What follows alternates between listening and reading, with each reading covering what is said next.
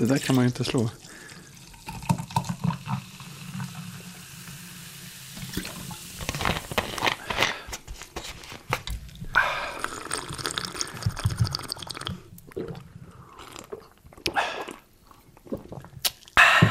Tjena! Tja! Gott med något att dricka. Jag har haft, jag har haft ett samtal med, med en granne precis. Jaha, bra eller dåligt? Äh, jag håller på att tömma min pool igen. För att det Nej. visar sig att, det, visar sig att det, det är hål i, i plast i den här linen i poolen. Så att jag tänkte, nu ska jag tömma den, så ska jag ta bort linen. Och sen ska jag någonstans hitta pff, typ 10 000 spänn så jag kan köpa en ny liner. Det låter livat. Så att, och jag hade inte så mycket vatten i den. Det var typ så här kanske 7-8 centimeter högt. Men poolen är 8 gånger 4 meter lång. Är stor, bred. Så, och förra ägaren har då lagt ett, ett rör från lilla huset bredvid poolen där han haft dusch och så. Ja. Avloppsrör som också är som ett dräneringsrör. ja, Och det, och det är jättebra. det kan det vara. Problemet är bara det att det där röret visar sig att det går inte ner i någon sorts dagvattenavlopp eller någonting. Utan det går ut genom häcken och sen ut på gatan. Varvid det var liksom vatten. Hela gatan var täckt av vatten och det rann liksom vatten ner för, för gatan. Nej. Lilla byvägen här varvid han undrar om jag hade en vattenläcka. Vilket jag inte hade. Nej, alltid något. Så lite så här intermezzo här i byn så här på kvällen. Det, det, är det händer ju något ibland här i byn. Det är ju spännande då. Ja, Det händer ju inte så mycket annars här i byn. nej. Eh, så så är läget. Ja, Och, eh, oj, vi har massa, vi har ju massa saker att prata om idag. ja. Åh, här, oj, oj, oj. Först, först ska vi prata om det faktum att jag har fått, jag har fått lådor i, i, eh, i lådan, så att säga. Jag har fått eh, mutantboxar. ja, lådor i lådan ja. Ja. Precis. Ja, vänta, vilka vänta, vilka vänta. grejer. Häng kvar. Absolut. Det finns en fördel med att vara mig, för att man glömmer bort ibland vad man beställer. Ja, jag har hört folk som kör den grejen. Det blir som så här oväntade julklappar ifrån. Ja, ja. Eh, Jag, fick så här mejl från DHL, så här, hej, du har ett paket. Och jag tänkte, ah, vad är det här då? Jag, jag fattar ingenting. Och sen tänkte jag, ja, ja, men det kanske är då MUTANT Maskinarium, den här boxen. Mm. Som för övrigt väger 5 kilo. Oj, oj, oj. En riktig låda. Här har du, här har du ljudet. Det är liksom det är tunga böcker och det är tärningar och det är en massa så här kort. Ja, ett helt... år, år, kort som det står order på. Vad det nu betyder. Jag har liksom inte satt mig in i det. Och sen visade det sig att jag hade också lagt till lite pengar. Så fick jag hela startboxen också för MUTANT år 0. Och den är nästan dubbelt så hög som Maskinariumboxen. Väger mindre. Men så här. Åh, luktar det nytt. Alltså, när jag öppnade boxen och bara kände så här. Då, jag bara transporterades tillbaka till när jag köpte typ Drakar och Demoner. Ja. Så Oh, minns oh. jag. Eh, Ja. Det är säkert en efterhandskonstruktion. Men så Nej, men jag, jag har något starkt minne. Inte Drakar och Demoner-boxen, det kanske var för, för länge sedan. Men jag, jag har ett starkt minne av att eh, både MUTANT, alltså den här Cyberpunk-varianten. Och kanske ännu mer Mutant Chronicles av någon anledning.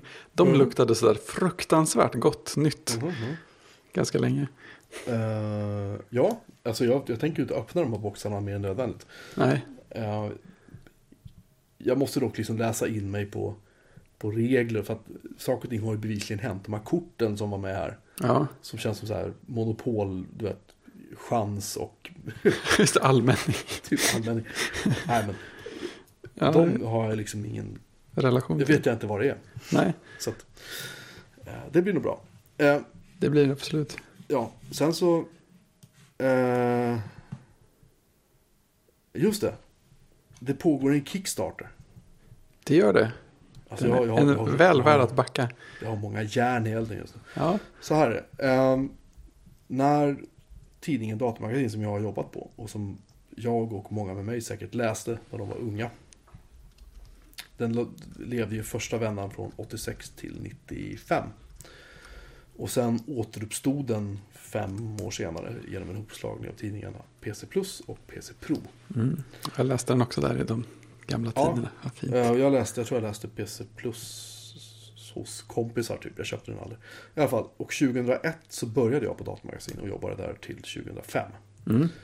Och i höstas så meddelade förlaget Egmont som det numera heter. Det hette alltså Medströms dataförlag när jag jobbade där. Sen hette det, eh, ska vi se, Gemmet Mortensen efter de norska ägarna. Och sen så hette det Egmont efter de andra norska ägarna som ägde Gemmet Mortensen. Mm. De bestämde sig för att det här med datortidningar är ju kass. Så vi lägger ner allting och säljer eller lägger ner. Ja, så, ja. så att eh, PC Gamer, Superplay, alla de här gamla titlarna.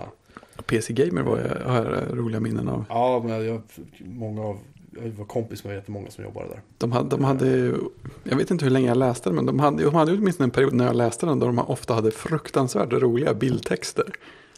Ja, Som var eh, he, så här helt orelaterade till allting annat. Det var ju Jocke Benett och Mats Nyström. Ehm, och Mats Nyström kallar vi även den bleke för att han var blek och vi tyckte alltid att han skulle äta bearnaise på fredagarna. Ehm, så han var alltså med i bearnaise-klubben. Ja, Och det gjorde han gärna. Han åt, han kom alltid och så sa han bara B. Så då förstod vi att han, att han började skaka för att han inte fått bearnaise på veckan. Eh, och min, en av mina bästa vänner Petra som då var AD på den tidningen som fortfarande jobbar som frilansande AD för andra tidningar. Hon satt ju och jobbade. Hon skrev nog en annan bildtext också skulle jag gissa. Ja, Eh, och så här. Och sen i alla fall, de då som jag jobbade med på förlaget. Bland annat en kille som heter Anders. Han var då på en tidning som heter PC Hemma. ja det Eh, som, som, blev, som var en sorts... Det här är lite lustigt för att eh, Datamagasin lades ner och sen något eller några år senare så köpte förlaget eh, som gav ut PC Hemma köpte då eh, Svenska Hemdatornytt. Mm. För den var väl, om jag inte minns helt fel, var väl i princip konkursfärdig. Men de ville ju komma åt prenumerationsregistret.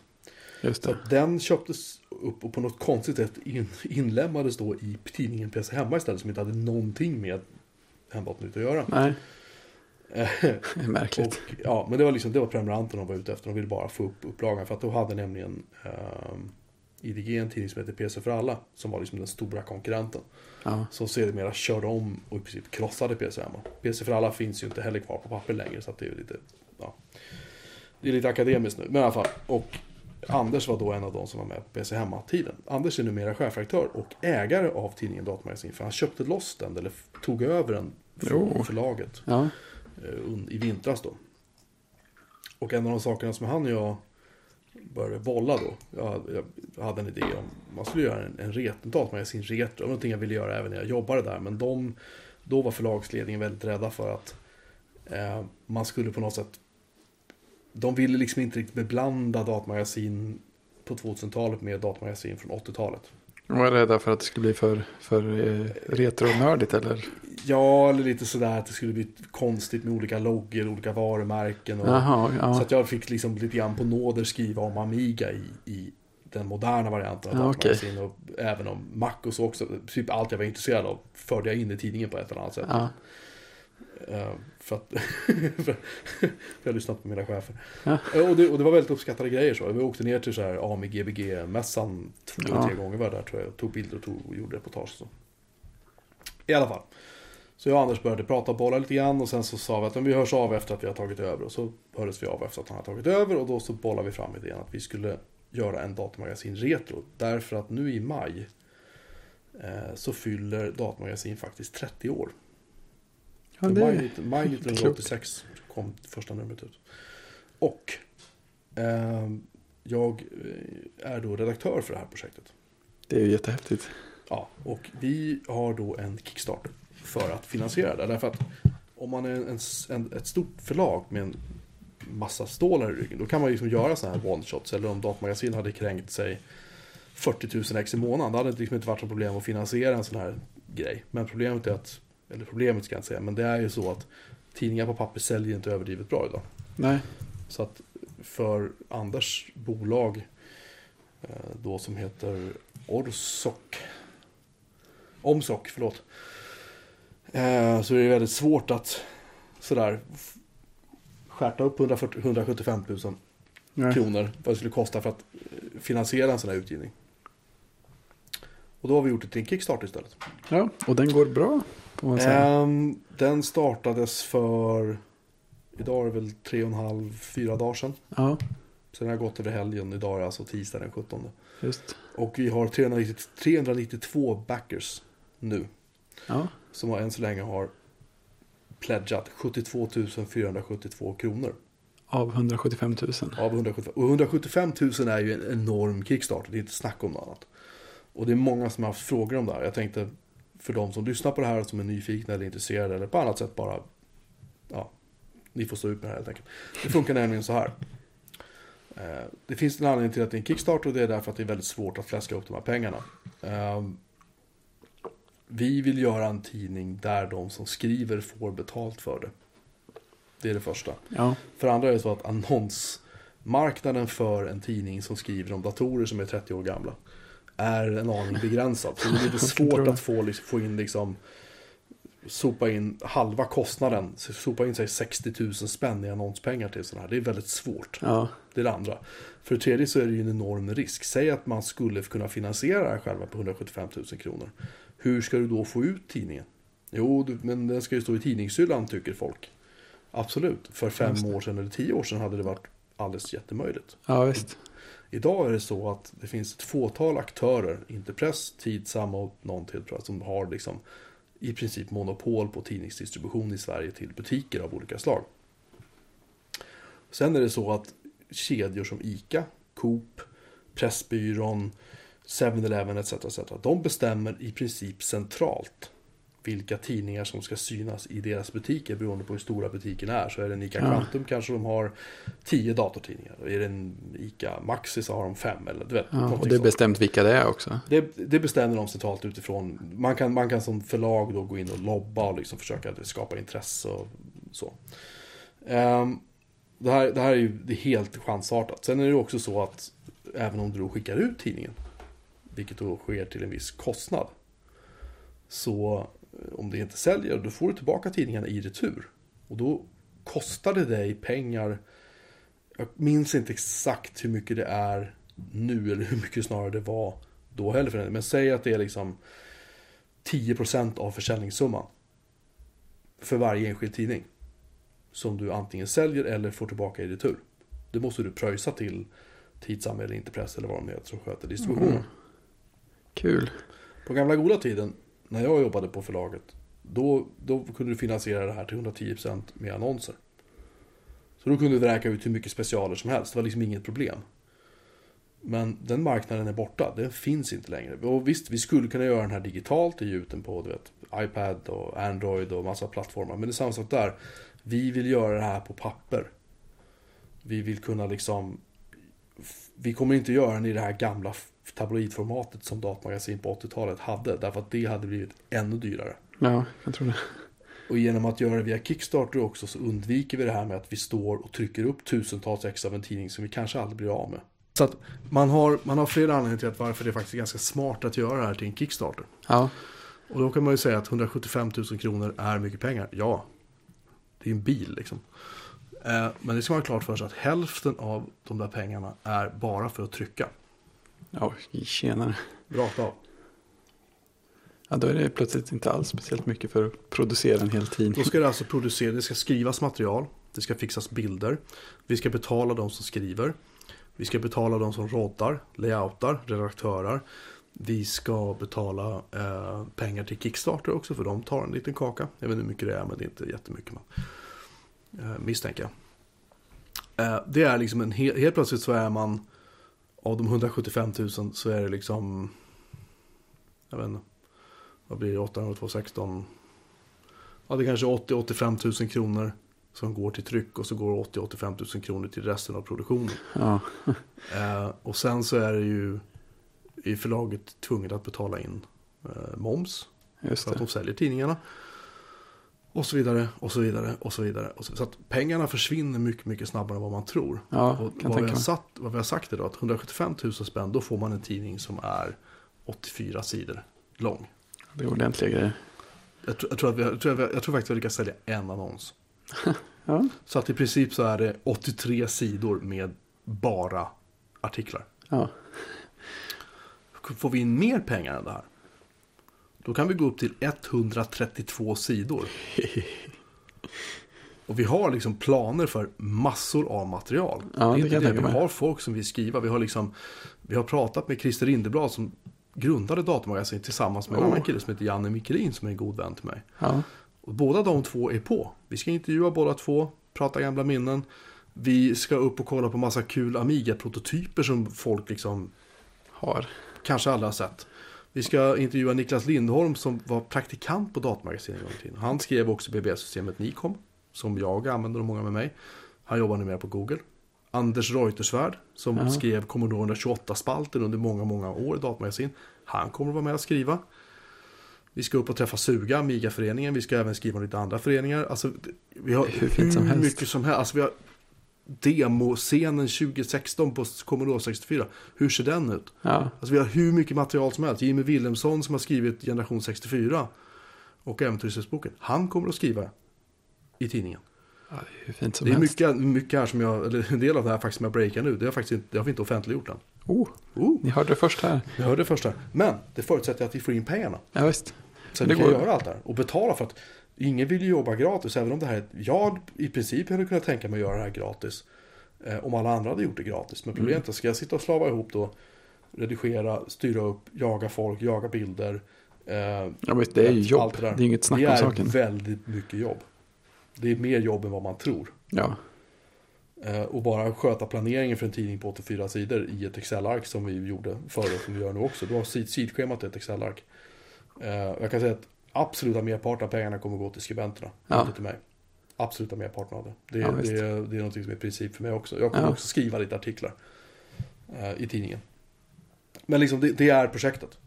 Och det är, alltså, det, det är också, många, jag tror många liksom får en chock när de ser vad det kostar.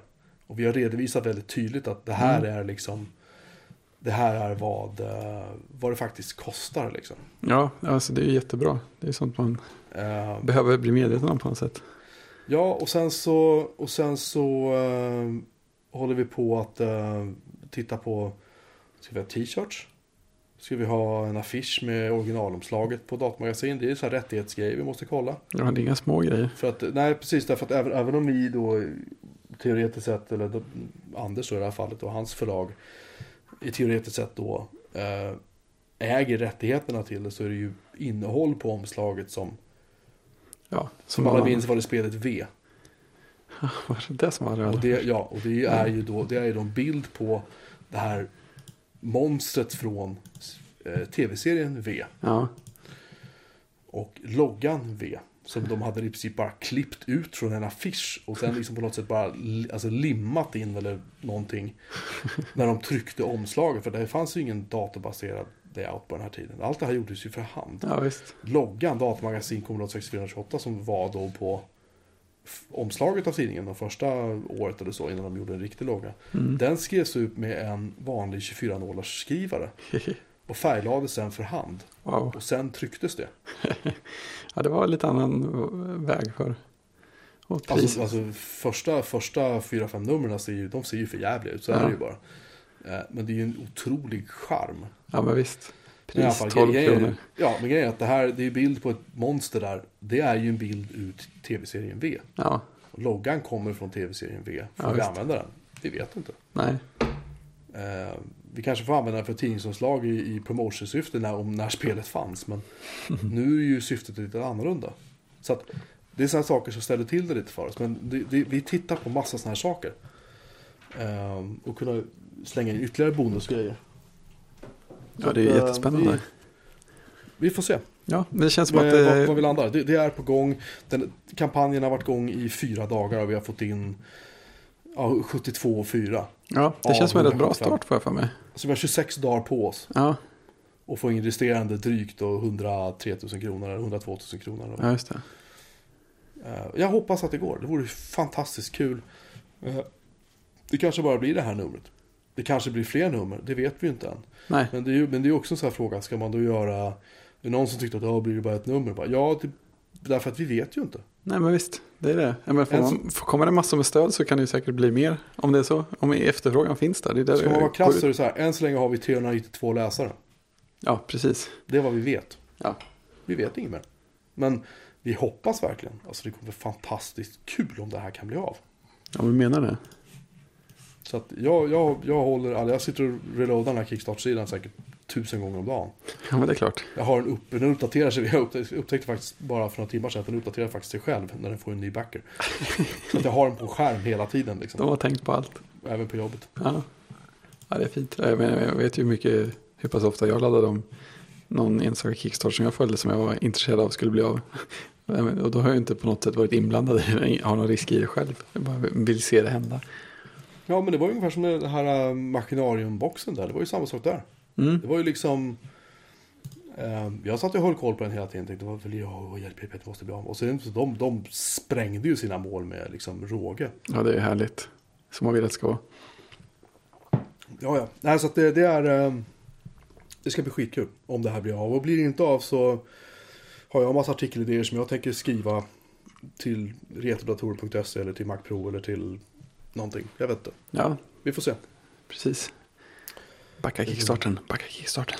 Ja, snälla, gör det. Eh, vi har, alltså, och man ska också klart för sig att eh, om man prenumererar får man köpa den för 99 spänn. Prenumererar man inte så får man köpa den för 129 kronor. Och 129 spänn är, ja, jämfört med, jag tror att de här som, gjordes inte någon specialtidning om Amiga för ett par år sedan från engelskt förlag. Som var typ så här 300 sidor eller någonting, var snortjock var den. Och jag såg den på Pressbyrån. Och jag tänkte att den här ska jag köpa. Tog upp den och tittade på prislappen. Jag tror att den kostade 400 kronor. Visst, den var jättetjock och det var så här jättestora bilder och det var, det var att man hade Jo, jo, högprestativa foton på Amiga 500. Ja, absolut. Det var mycket eye candy liksom. Men ja, det var vad det kostade. Ja, Så att, liksom, även om, även om, vi, hade, även om vi hade sålt den här i butik så hade den kostat 129 spänn. Men då har man ju chansen att, att vara med på det här. Dels för att det är ett kul projekt liksom. Mm. Och om man lägger 129 spänn får man dessutom sitt namn med i tidningen som en stolt sponsor om man vill. ja, Så det är ett historiskt dokument. ja visst. Och i och med att man, alla skribenter får betalt så är man med och stödjer massa bra skribenter också. Kan vara värt att tänka Ja, på. ja, ja, men det här är ju människor som, en del av de här människorna skriver ju inte längre. De jobbar inte som skribenter längre, men de vill Nej. vara med i alla fall. Ja, visst. Eh, Så att, ja, det finns hur mycket som helst. Ja, hur mycket som helst grejer som är på gång förutom det som står på Kickstarten. Så att eh, håll ögonen öppna, backa gärna eh, och liksom, ja, sprid ordet om ni är minsta intresserade. Så det uppskattas verkligen. precis. Yes box. Sen så, vad står det här? Tre skärmar och vertikala dockstationer. Har du lagt till det? Ja, jag, skrev, jag skrev med det. Jag tyckte dockstationen var fin. Ja, ja, ja. Just det, ja, ja, ja. var ju dessutom en... eh, Ja, Ja, du, du har ändrat din setup på ditt skrivbord på jobbet lite grann kan man säga. Eh, ja, Och det var, Jo. det var ett, man kan säga att det var, det var dessutom ett, eh, ett upplägg som jag nog aldrig riktigt hade tänkt på. Eller inte var riktigt säker på hur, hur om man kunde göra med en Mac. Nej, alltså jag, jag har... Eh, jag har liksom hållit... Jag ska inte säga att jag håller koll på det, för det låter väldigt pretentiöst, för det har jag inte gjort. Men då och då så har jag funderat så här, för det, under många år har det ju funnits eh, USB-anslutna grafikkort av något slag. Mm. Alltså, det kanske även har funnits för Firewire och för andra portar, men det är liksom USB, det har funnits till PC. Det har liksom aldrig funkat på Mac riktigt. Jaha, okej. Och det har aldrig varit, det har aldrig varit snabbt heller, så, för att USB 2.0 är ju liksom Det är inte så snabbt. Ja, det är bajs. Så att, eh, och överlag har det varit så här, många skärmar till en Mac, ja då ska du ha en Mac Pro. Liksom. Ja, det har varit det som har gällt va? Ja, även, ja, även alltså den gamla Tower-modellen. Där kunde du stoppa in grafikkort efter grafikkort. Inte jättemånga, men några stycken i alla fall. Ja. Och ansluta ett antal skärmar. Ja, Och tittar man på det idag så är det så att om du vill ha bara eh, om du vill ha sex stycken skärmar eller säg så här, vill du ha fler, fler skärmar till din dator än två utöver den inbyggda, Mm. alltså i det här fallet då till en eh, Macbook Pro eller Macbook Air tror jag inte du kan Jo, du kan nog köra två skärmar på den också om du har dubbla Thunderbolt. Har de dubbla Thunderbolt-portar på Air nu? bra fråga. Jag tror inte det. Fortsätt så, så kollar jag upp det. Ja, i alla fall. Med en Mac Pro så kan du koppla in sex stycken skärmar via Thunderbolt. Eller Thunderbolt till min DisplayPort-adaptrar om du vill. Eller tre 4K-skärmar om du kör två via mini, mini DisplayPort. Notera det nu, det är inte Thunderbolt till mini DisplayPort fast det är samma port. Och en via HDMI. Så du kan ha två på min DisplayPort. Och en på HDMI om det är 4K-skärmar. Dock ska man också notera att om du gör det så kan du bara ställa in lägre upplösningar än maxupplösningen via eh, jag tror att det är via mini DisplayPort-utgången. Eller om det är via HDMI. Jag kommer, någon av de där två eh, låser upplösningen till max på skärmen. Om du har 4K-skärm. Mm. Eh, vilket inte Apple pratar så mycket om. I alla fall, om man, om man, om man har en bärbar då, eh, Macbook Pro som jag har.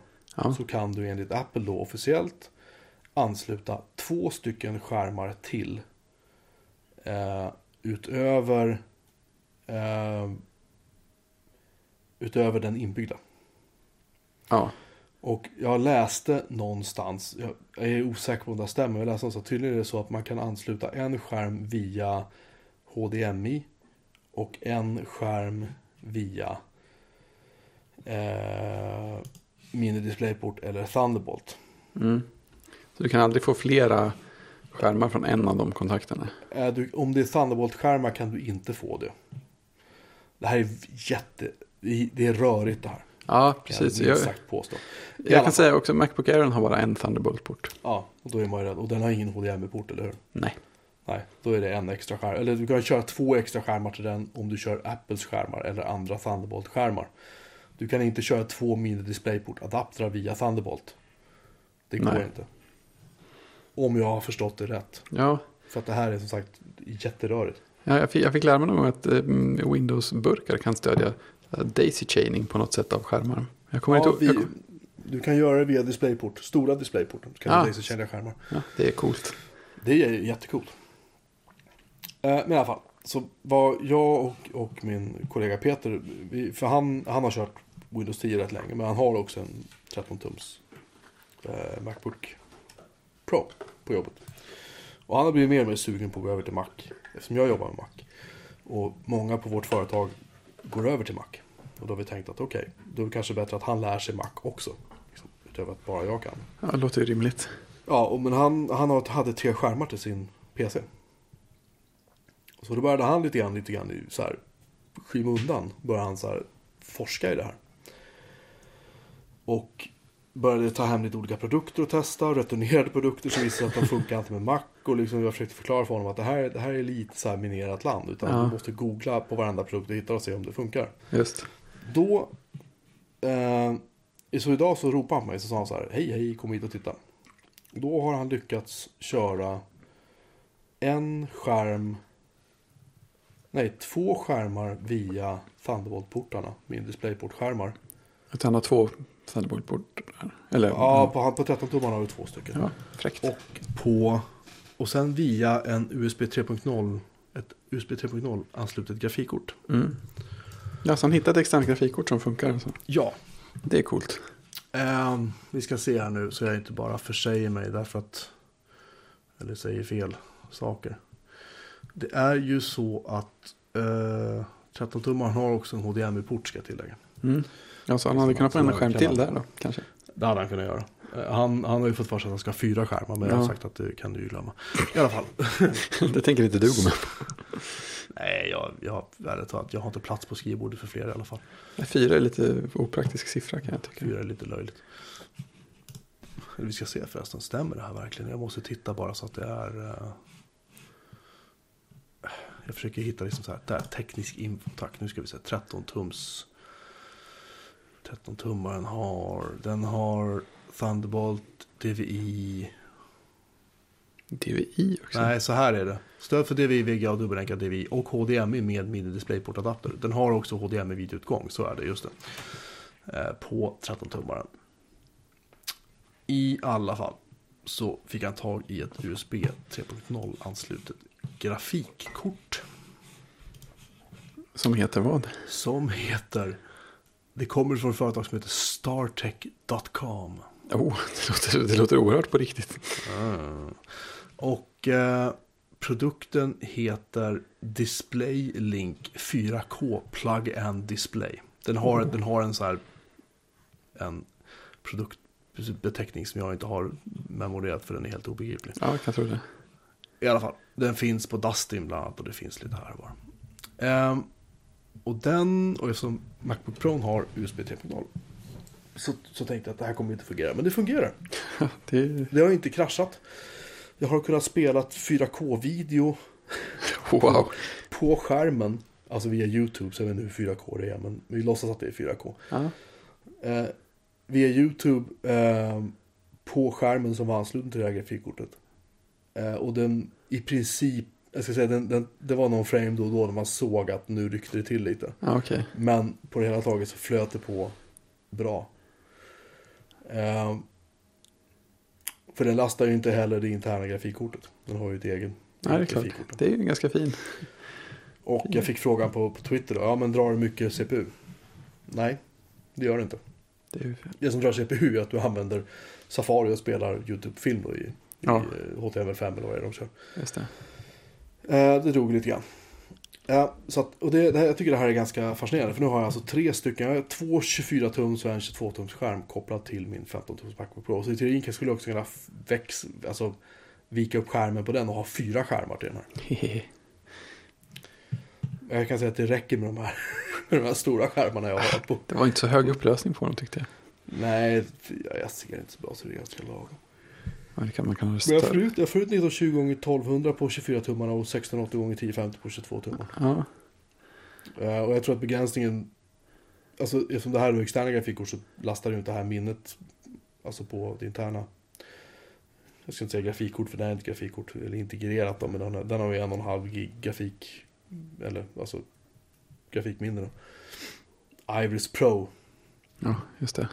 Eh, men däremot så använder ju den ju, den använder ju de två andra skärmarna och den interna skärmen använder det här grafikminnet. Så det blir ju ändå lite, börjar man köra för mycket grejer då märker man att den får ganska, det blir lite Tungt jag ska, jag ska inte säga tungt, men om jag kör, om jag kör, om jag säger så här, om jag kör de, alla de här skärmarna plus att jag viker upp min skärm på min Macbook Pro och ställer upp grafiken till det högsta läget, retina-läget. Ja, det är brutalt att ha det högsta där.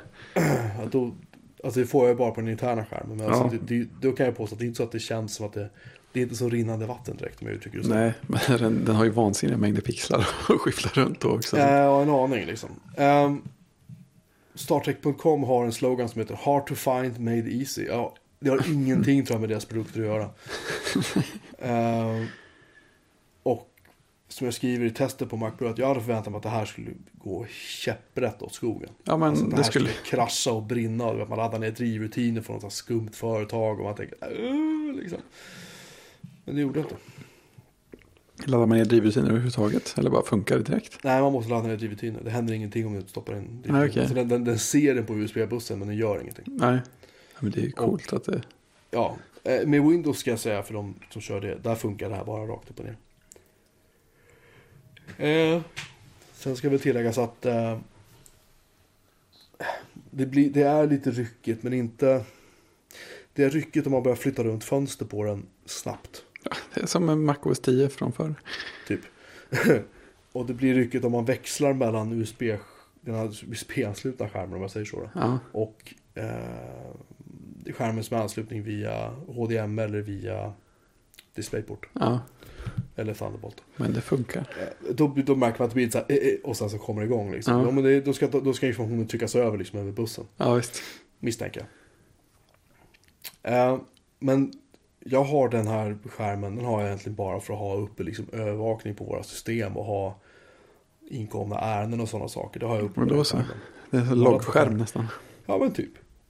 Ja, då, gör, det- gör inget om den tappar någon frame ibland. Nej, alltså det märker man i princip inte. Men, men det, det, det är skillnad. Det är inte lika så här... äh, Vad säger man? Engelskans fluid. Det är liksom, man märker ibland så kan man märka att muspekaren så här, liksom hoppar till lite grann. Eller...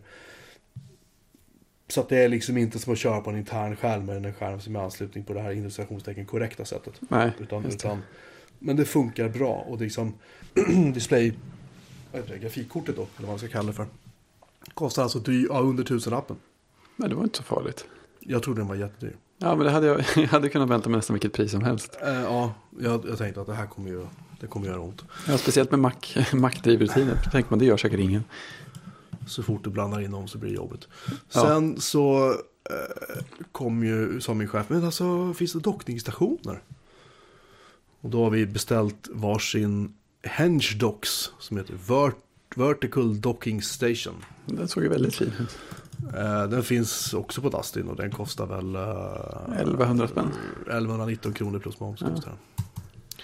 Men det var, ju- jag Den, blev, den, den, den har vi inte fått än ska jag säga. nej, men den såg väldigt fin ut. Speciellt när jag kom på att alla, alla sladdar måste gömmas neråt. Ja, det är ju nackdel med det då. Det är ju det att det här har jag inte riktigt listat ut än. Därför att jag använder ju eh, portar som är på båda sidorna för mina skärmar. Ja. Alltså jag använder ju eh, HDMI-kontakten på ovansidan så att säga. Ja, men det här är som en, vad ska man säga, som ett, man ställer datorn på högkant med ena, ena kortsidan Precis. och neråt och då alla de portarna pluggas väl in i dockan då. Precis. Så att det, det, det, där får vi hitta på någonting. Det är möjligt att vi får koppla in fler sladdar. eller, risken finns ju. sorts, eh, eller kanske skaffa en dockingstation via Thunderbolt. Jag vet inte hur vi ska göra för jag Nej. använder ju eller kör eller en USB 3-hub och så kör jag gigabit eh, nätverkskort via USB 3 istället. Ja. För då, då får jag loss en port som jag kan köra skärm på. Ja. För att det är nämligen så, det ska man ju vara ärlig med att Apples, det var ju pratat om tidigare, deras USB och Thunderbolt-anslutna eh, nätverksenheter, eller som är Ethernet-adaptrarna, är ganska usla. Ehm, så att, alltså att, att, att, ska, att, ska, att det ska ta nästan 10 sekunder för det att jag stoppar in Thunderbolt-adaptern i datorn tills att jag har en länk och har en IP-adress. Ja, det är en stund ja. Är helt galet liksom. ja. Så att, nej, ja, vi, vi tittar på att gå över till USB 3 och det har ju inte Apple några så det får bli någon sån här, jag vet inte, no Ja, name liksom. ja. Den här ger alltså ut en USB 3-anslutning, två Thunderbolt och en ljud ut in. Ja, och så har den MagSafe-kontakten också Ja, för laddning. Så ja det är liksom, det förstås. är liksom, liksom det är dröm, kunna komma till jobbet, tjong, köra ner den där i, i hållaren och så bara köra liksom. Det kommer bli klockrent. Ja, det är fint. De, Eh. de slänger med alla sladdar också, det tycker jag är bra. Det är civiliserat. Jag följer med en, en USB Superspeed-sladd, en uh, ljudsladd. Superspeed. Jag precis försöker komma ihåg vilka speed som betyder vad. Superspeed. Hur är det Men, då? eh, vad, USB. Vad, ser, vad ser, ser du det på specifikationen? Där, nu ska vi se. Ja, included accessories. Ooh. Men eh, Två stycken med USB-port. Oh, USB. Oh, ljudkabel också. Ja, men visst. Man tackar. Det, det känns ju som, det borde inte vara en lyx, men det känns alltid som en lyx när till och kan slänga med alla sladdar man kan tänkas behöva. Fast inte laddsladden. Nej, det, de kanske inte har licens på den. Jag tror att det, nej, jag tror inte att de gör det. Nej. I alla fall, jag kommer återkomma med en rapport om den här dockan. Ja, det ska bli intressant. Det ja, blir fint på skrivbordet. så 40 minuter in har jag bara jag pratat. Uppföljning. Typ så. Eller ja, Vi har, vi, vi har, ju, jag har tips också. Ja, Jag vet inte om det blir något filmtips idag. Jag är lite så här on the fence. Jag, kan, Ja. jag har... Äh, vi får se om vi orkar. I alla fall. Det finns ett program som heter eh, Royal TS. ja, det här är ju intressant. Och vad är det här för påhitt? Ja, det var det jag tänkte fråga om. Fredrik undrar, Jocke förklarar. Ja, Precis. så här är det. Royal TS är, det finns, det här finns både för Mac och för eh, Wi- eh, OS 10. Det här är alltså ett fjärrstyrningsprogram som innehåller SSH. Det innehåller remote desktop mot Macar. Det Mm. innehåller remote desktop motsvarande mot Windows-kärror.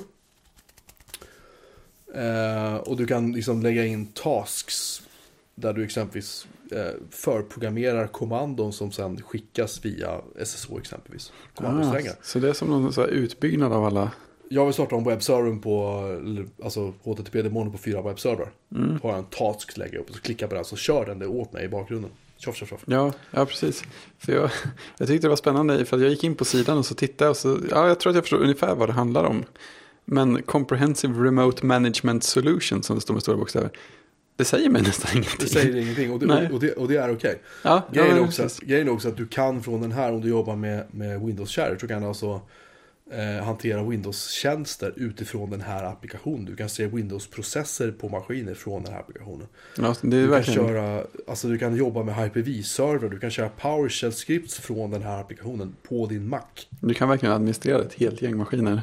Det här är liksom gjort för det och du kan dessutom då sätta upp en liten server. Om du kör företagsversionen så kan du sätta upp en, en liten serverprogramvara där du synkar de här uppkopplingarna, all- alla de här inställningarna. Säg att du har liksom 50 servrar inlagda.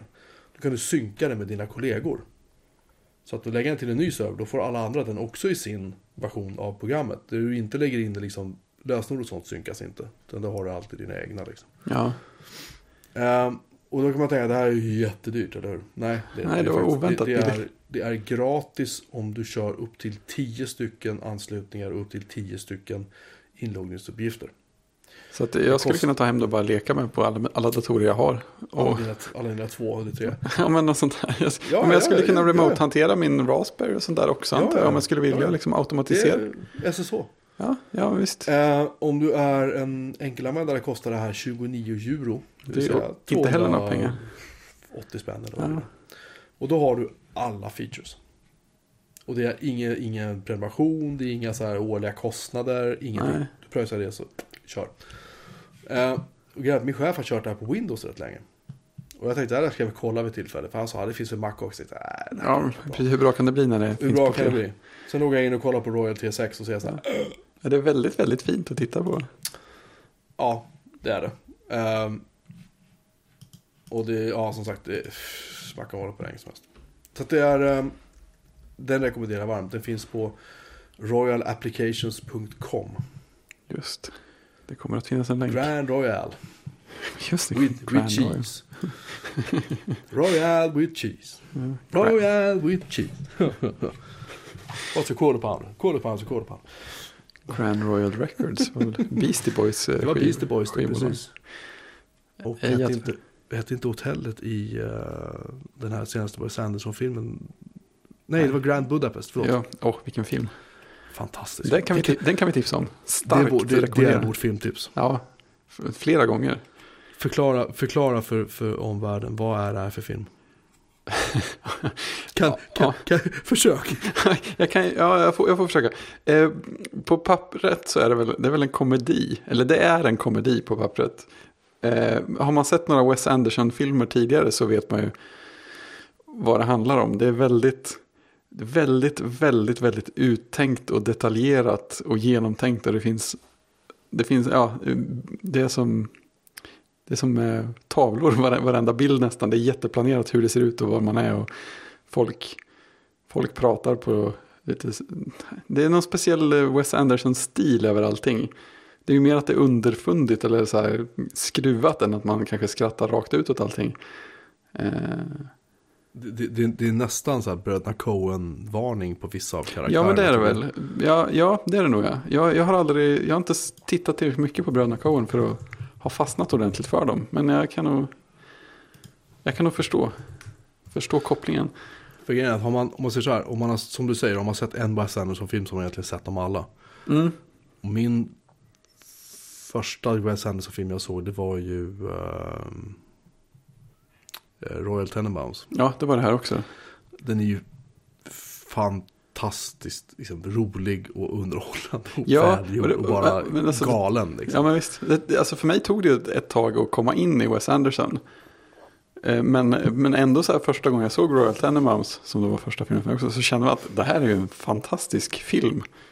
Jag, Alltså, jag, jag, kan inte ta till mig hela än, men jag känner att det här är en väldigt, väldigt bra film. Alltså, Alla hans filmer känns som att de är ganska så här, episod. Alltså det är, det är Mm. lite så här Tarantino-style på det, Ja, men- kapitel liksom. Ja men Och jag, visst. kan, och jag kan känna att Royal Tenenbaums, den, den hänger inte riktigt ihop ibland, men det gör ingenting. Nej, För nej, den är exakt. så bra liksom, Ja, ändå. Alltså den, den första som jag såg och verkligen uppskattade direkt var ju, vad heter den, The Darjeeling Limited. Ja, just det, de åker genom Indien på tåg. Ja, den, den, tycker jag, den tycker jag är riktigt bra. Jag, vet inte, jag vet inte hur högt den rankas av de stora kännarna bland filmerna. Men för mig var det den- första som jag liksom var i kapp när jag började titta på och kunde komma in i direkt. Så jag, jag håller den ganska högt. Den, den har sina stunder helt klart. Jag tycker Mm. inte att det är hans bästa. Men, men den, är, den är bra. Mm. Det är den definitivt. Den är ju fyndig. Däremot gillade jag inte den här, äh, vad heter den här dykar... Äh, Ja, Life Aquatic. Just det. Den, det var så här. Det kändes som alltså ganska mycket repetition av Royal Tenenbaums. Jag upplevde det så i alla fall. Mm. Det kändes väldigt mycket som att det här, jag, jag kan det här nu liksom. Ja, Jag tror också att, jag tror också att det var många av de som var med i Royal Tenenbaums var också med i den. ja men Alltså, exakt. var, Bill Murray var med exempelvis. Så det var flera så här som liksom... Ja, men han har ju en del återkommande Nej, sig, Bill Murray var inte med i Royal Tenenbaums, men Jo, den. Var han det? Han är någon slags psykolog som är gift med... Ja, förlåt, det är han ju, just det. Han är inte med så mycket, men Nej, precis. och han gör någon så här, eh, han observerar någon eh, kille med någon, vad någon slags autism eller någonting va? och är jättefascinerad. med jättebra hörsel, just det. Ja, var det så? Förlåt, just, just det, han var med i den. Så då har du helt rätt i. Nej men vad, vad jag menar var att det var, det var många av, Angelica Houston Houston tror jag var med också i båda. Eh, det var ett gäng i alla fall som var med i. Men det kändes lite för bekant. Det kändes som Ja att men precis, det, det kändes inte mycket igen. av något nytt. Man Nej. tänkte inte så mycket på den efteråt. Sen släppte han ju den här, uh, shit vad hette den här där de, där de var på en ö? Och två unga rymmer. Ja, Moonrise Kingdom. Moonrise Kingdom. Och den, den, jag tror faktiskt inte jag såg klart den. Jaha, jag, jag tycker nog den är ganska bra också. Den, den var vackert gjord, men det var Ja. återigen, det var, det var väldigt Wes Anderson. Ja, verkligen. Den var liksom, han hade skruvat upp det här till 11 på något vis. Ja. Och det är det jag gillar med Grand Budapest Hotel, att han, han, har, han har skruvat ner det lite grann. Och han låter... Jag kan säga så här. I Royal Tenenbaums, där var det skådespelarna som liksom... Det var de som gjorde filmen. Ja, Men sen kan jag känna att i andra filmer han har gjort, där har det varit mera färger, klipp, eh, scener, alltså mycket runt omkring som han bygger filmen på. Det känns nästan som att skådespelarna hamnar lite grann i bakgrunden ibland. ja just det. Men i Grand Budapest Hotel, enligt mitt tycke, där fick skådespelarna komma tillbaka igen. Och Ja. liksom ta över. Och liksom, alltså det är ju fantastiska skådisar i den här. Ja, rätt igenom. Och återigen, jag tror faktiskt Bill Murray, Bill Murray är med i den här också. Ja, ja. Han är Men lite... i en väldigt, han är en ganska liten han är en av de där som lyfter på luren på något hotell där de Ja, där, det- där, telefon, där telefonkänns som är så hysteriskt roligt. Ja, den där kors, korsade nycklarnas orden. Nej, Vad heter den? Ja. Den där hemliga, hemliga orden bland Hemliga hotellportierer. Det är så mäktigt. Det är sånt där som man vill ska finnas på riktigt. Och så just att han döper den här lärlingen till Zero för att han hade bara, han hade bara noll på alla betyg när han skulle bli lärling. Det- ja, den är fantastiskt rolig. Ja. Alltså, den, den är, och den är vacker och den är lite kul också. Vissa sådana grejer där de är där det är så uppenbart att eh, det här kan vi inte filma riktigt. Ja, då gör de det nästan så att det är som dockor som åker eller som anim, Ja, alltså animerat exakt. eller någonting. Ja. Ja, den är skitrolig. ja, ja den, är, den är fantastisk. Och, och tankeväckande på alla sätt och vis. Så den, den är, nej, den, jag rekommenderar den varmt. Ja. Faktiskt. Jag, jag, såg, jag såg den. Jag tror att jag, såg, att jag så köpte den och såg den så fort jag upptäckte att den fanns på iTunes. Det var bland de första filmerna jag köpte på iTunes. Och sen såg jag den. Och sen så några dagar senare kom en kompis på besök. Så i princip pushade jag så här, "Ah, men måste vi se den igen. Den är ju skitbra. Så där. Jag tror, det- jag tror jag har sett den fyra gånger. Ja, och jag menar det är så här, det är inte alla filmer som håller att se nästan på en gång till direkt. Men det, den gör det. Ja, riktigt, riktigt fin. Fantastic, Fantastic Mr. Fox är ju rätt kul Ja, också. den, är ro, den är rolig också. Men det är, det är ju en dockfilm. Liksom. Ja, inte, verkligen. nej, jag tycker den är grym faktiskt. Ja. ja, Wes Anderson. Bra Jag grej. har, jag har nog faktiskt en... eh, jag har faktiskt en film jag skulle vilja såga. Ja, kör hårt. Austin Powers in Goldmember. Hatar den filmen. Alltså hur många Austin Powers finns det? Tre tror jag. Den, Ja. första, den första var rolig. Den andra var också ganska rolig. Jag är inte säker på om jag har sett. Jag tror att jag kanske har sett hela av någon av dem. Men jag, inte- nej, det är svårt att veta. Ja, det, var, det var inte mina filmer heller riktigt känner jag. Nej, jag- jag- nej. Alltså, de, de, är, de är roliga och sen så är de inte roliga en stund. Och sen så man Mm. har så små favoriter i de där liksom. Ja, men det, det är sådana grejer som kan bli mycket roligare när någon som, eh, som gillar det berättar om det efteråt. Ja, eh, jag har en parallell att dra faktiskt till Wes Anderson. Mm. 2004 kom det en film som heter Garden State. Just det. Eh, som du kanske har sett eller inte sett. Och den är ju så här, den är så touchy-feely liksom. Fast det är Zach Braff då, han som, eh, han är ju skådis. Jag tror att jag har sett den. Ja. Är som kom, kommer hem till sin... Han kommer hem till sin hemstad för det är så här, han ska begrava sin mamma och träffa sina gamla vänner. Och, ja, det spårar lite, men det är kul ändå. Ja, Eh, och den, den, jag uppskattar den. Den har 7,6 av 10 på eh, IMDB. Och grejen är att sen så släppte han en film 2014 som heter Wish I Was Here. mm. som är ungefär samma film. Igen. Han krisar lite. Alltså jag, jag, såg, jag ska säga, jag såg inte klart. Det är möjligt att den blev bättre. Jag betvivlade. Jag tröttnade efter kanske 25 minuter kanske, 30 Ja. minuter. Ja, det, det var så här, nu är han pappa. Han är liksom, du vet, medelåldern, han har små barn och han har fru. Och det är lite så här, det är lite kaos, är lite jobbigt och så här. ja, det är samma Och sloganen är Life is an occasion, rise to it. Det, kan- här, det, kan vara en, det kan vara en slogan för vilken film som helst. Säger precis vad som, ungefär Ja. som, som eh, Som, vad heter det, vad skulle jag säga nu? Um, hard to find, made easy. Ja, men så här, det, det, kan, det kan vara en slogan för en film i vilken genre som helst. Men inte för en bra film i någon genre. Alltså den, den, den har inte fått något vidare. Den fick 6,7 av 10 Ja. på IMDb. Så att, jag tycker det betyget avspeglar ganska bra hur, hur eh, inte bra den filmen är, Ja, tyvärr. ja, Eh, så att den, den, eh, den kan man hoppa över. ja, den och eh, Austin Powers Goldmember. Ja. Så dubbla varningar på samma dag, inte Du dåligt. ser. Du ser. Eh, ja, Ja. vi? Eh, det var det. Remote management, Ja, bra grejer. ja det, är bra, det är bra skit. Precis. Jaha, vad tror du om Apple då? Ja, Nu vill jag höra din analys av läget alltså jag, jag, tyckte, jag tyckte det var en väldigt bra sammanfattning sådär.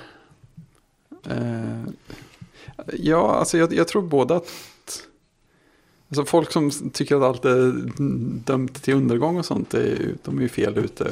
Men, men jag, tycker att det, jag tycker det känns, så här, ja, mer är och det. Ja, okej, det kan ju vara bra i sig, men det är ju så här, de letar efter fokus och de har försökt att göra något helt nytt med klockan. Och helt nytt har ju aldrig varit Apples grej, utan det har ju varit att göra saker som finns bättre. Så, så mycket bättre så att, det, så att det känns som ett stort steg. Så att de, de kanske försöker lära sig att leta efter nya stora grejer själva. Men eh, det kommer väl att innebära också, jag vet inte om det är en bra grej. Eh, det kan ju vara en bra grej. Det kan ju innebära att de hittar fler stora grejer. Det kan också, och det kommer, kommer ju oundvikligen att innebära att de har sämre fokus och släpper färre saker som blir riktigt höjda till skyarna. För att de kommer att släppa sånt som är, är nytt och nytänkande måste gås igenom flera gånger innan det blir något som kan vara putsat på samma nivå som, som iPoden eller, eller iPhone för den delen. Eh, ska jag säga, jag, jag har väl, jag har väl närt en, en, en krypande, en lätt krypande oro över det här. Eh, ganska länge nu, därför att jag har Mm. hört, som jag skriver i min, min, mitt eh, vredesutbrott i textform. Tim Cooks Apple Jag har- framstår allt mer desperat. Ja, den, den rubriken skrevs om några gånger kan jag säga. Ja, det kan jag tänka mig. Um, nej, men när man hör Tim Cook säger, inte bara en gång, utan en annan gång, en annan gång, en annan gång så här. We got a lot of great stuff in the pipeline. Så här, Ja. Massa bra grejer på gång. Okej, bra. Var är de då? Precis, säg inte så om ni inte levererar något. När, när dog Jobs? 2011? 11. Är det så länge sedan? Ja, det är ju det. Är det verkligen sju år sedan snart han dog? Sex och ett halvt år Ja. sedan han dog? Jo. Helt galet. Och liksom vad har de egentligen, om man ska vara krass, lanserat liksom? En klocka. Ja, faktiskt. Det är den enda nya produkten de har släppt på, på ja, sen han dog Ja. egentligen. Så, alltså, alltså jag, jag, kan, jag kan ta en enkel parallell. Idag fick jag ett pressmeddelande från Apple. Apple celebrates Chinese music with GarageBand update. Okej. Mm. Precis. Och Stort. så har vi citat från någon eh, så här, kritikerrosad artist som heter JJ Lin. Som jag aldrig hört talas om. Nej.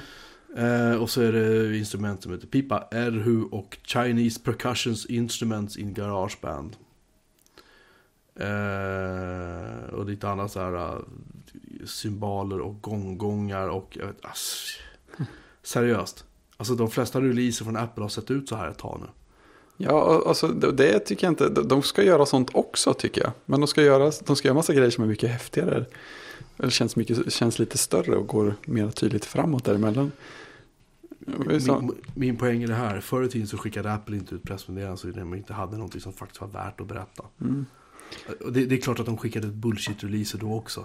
Men det här har pågått i flera år nu. Alltså den här typen av Kolla vi har släppt en, uh, ett nytt armband till klockan. "Ja, eh, va? Jaha. Okej. Precis.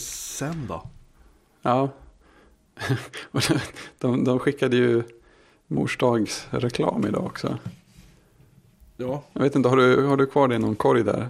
Nej, jag tror inte jag har fått den. Nej, okej. Nej, det hade ju varit det kanske står på deras hemsida också. Men, men i alla fall rubrik, alltså hela grejen var reklam för Apple Watch. Ja, typ, det är väl typisk prisnivå på en morsdagspresent, eller hur? Eh, Och sen var, sen var rubriken någonting i stil med eh, så här, äntligen någonting som kan hålla jämna steg med mamma. Eller någonting sånt där.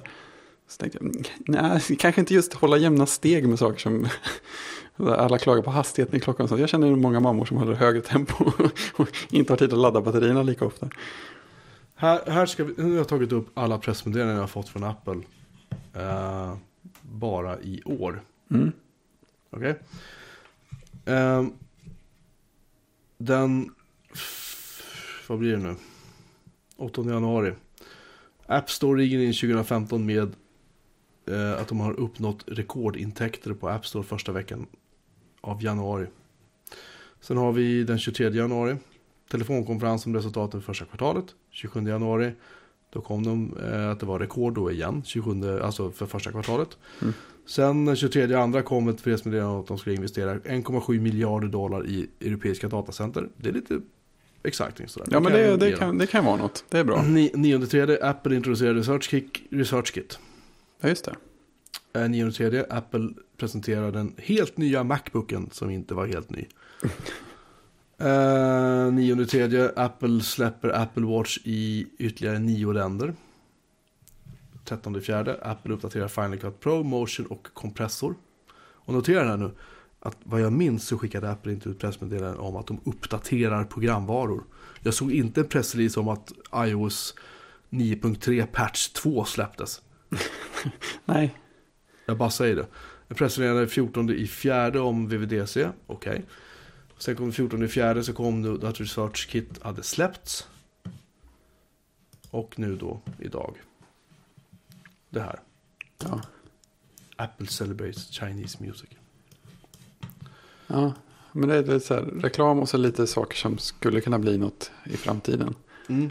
Men om, om, du, om du tänker så här, om du tänker dig som en sån som mig då som skriver om Apple. Och så får jag den här releasen. Mm. Eller DN, eller Aftonbladet, eller vem du vill. Det finns ingenting att skriva om i den här releasen.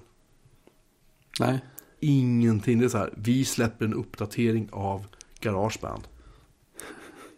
Okej, den har lite nya instrument. Okej. Eh, och, och sen då? ja, Typ så. ja precis. Och, och, det, och det där har vi liksom stått och stampat nu. Ja, jo, men det är mycket sådana grejer som, som, som släpps och sen händer det inte så mycket. Det är samma sak den där, där i artikeln du skriver tre områden där Apple inte är aktiva än. Nej, Home, HomeKit, vad hände med det? Ja men precis, HomeKit är det första. Det- Nej, det, det står ju verkligen tvärstill. Det, alltså det är också sån där, eh, som, som, som du skriver med klockan, att eh, klockan har inte lyckats bli en eh, stor appplattform. Eh, och det är samma sak, HomeKit har inte lyckats bli en plattform alls. Och det, är ändå byggt bara för att vara det. Det, det, det, det fattas ju någon slags push där. Jag vet inte, Apple är väl inte riktigt bra på att etablera plattformar egentligen.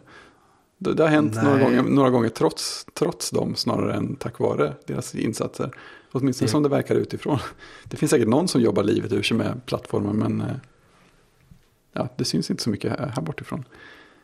Det jag, kan, det jag kan känna så här är att när vi tar HomeKit som exempel. Apple släpper någonting som heter HomeKit och alla blir så här yes, nu Ja, äntligen. äntligen liksom, ska vi kunna styra så här låset på dörren med min iPhone eller någonting. De släpper den här standarden. Och sen förväntar de sig bara att hela världen ska liksom vika sig dubbla för att få utveckla hårdvara som stödjer HomeKit. Ja, precis. Eh, eller alla de här andra teknik, alltså grejerna de har släppt. Eh, vi ska se, HomeKit Product. och sen en sån här grej som Siri som inte har ett API ens.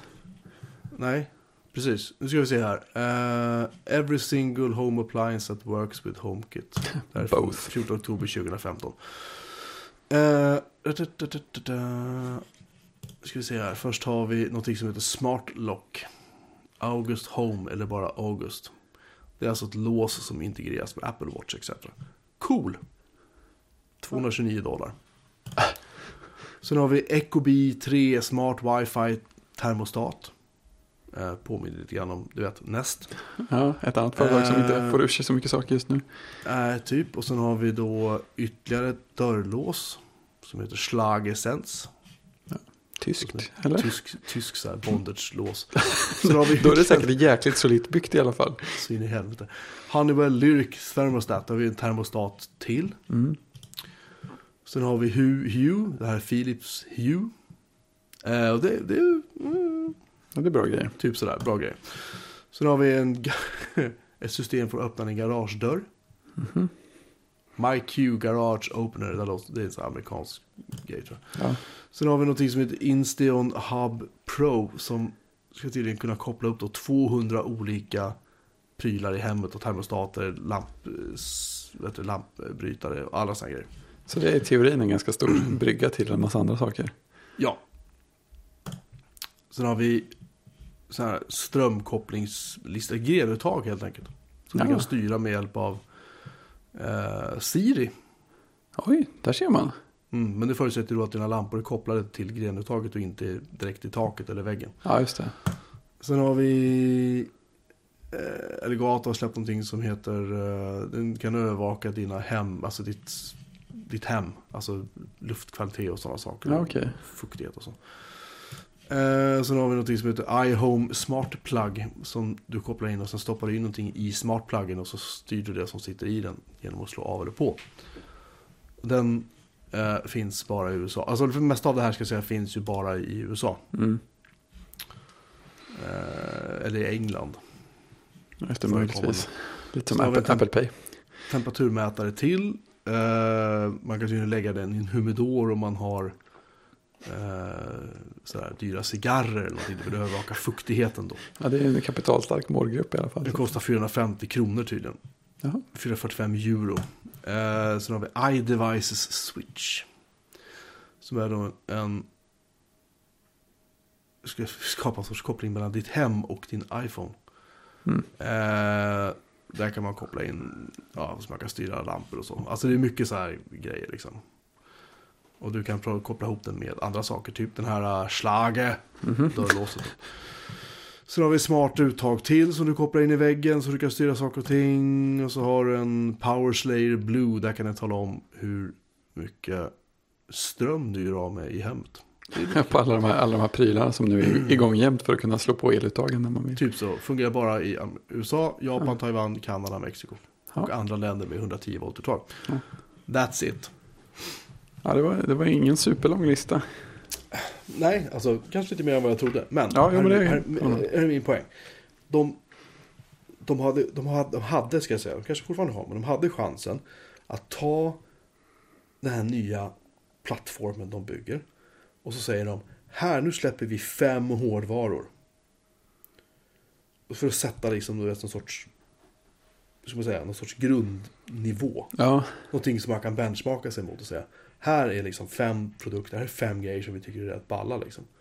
Så du kan koppla in eluttaget eller dörrlås eller what have you liksom. ja. Men det, Det- gör de inte. De Ja, men- släpper ingenting. Men precis, alltså är inte det en liten skillnad mot eh, hur Apple var tidigare? Så här, om, om Apple släppte en, en standard, eller, eller det var kanske inte så många standarder just på den perioden, men om man släppte typ nya, nya häftiga API i massor i OS 10 till exempel. Det var kanske närmast man kom lite mer regelbundet. Att det då kom ett gäng appar samtidigt som visade så här, oh, kolla vilka coola grejer man kan göra med det här. Men nu är det så här, Ja. oh, det här ska bli en plattform, här, gör något. Och det är det här som är, det är det här jag kan känna är problemet att de Dels verkar de inte riktigt förstå sin plats i världen. och det kan låta, kan låta löjligt, men det jag menar är liksom att de de verkar liksom inte förstå riktigt att världen cirklar inte runt Cupertino och bara väntar på att Apple ska släppa ur sig något nytt och alla bara Nej, nej precis. För att om du tittar på vad de har släppt i, i, i Ta det här iBeacon de pratar så mycket om Ja, för ett eller två år sedan. När vi skulle kunna gå förbi en butik så skulle du så här, gå in, så skulle du, om du hade appen från butik så skulle den startas i telefonen och bla bla bla. ja just det. här, Det händer massa saker. det är möjligt att det här finns i USA. Alltså beacons i sig finns ju och används här och där. Abs- absolut. Och det är det jag menar. Apple Pay samma sak. Det finns inte här heller, det finns i Ja, England. men bi- alltså beacon-teknik finns och används här, här också. Ja, jag vet, jag vet. Men, men vad jag menar generellt. Apple Mm. Pay är en, är en sorts teknik de använder.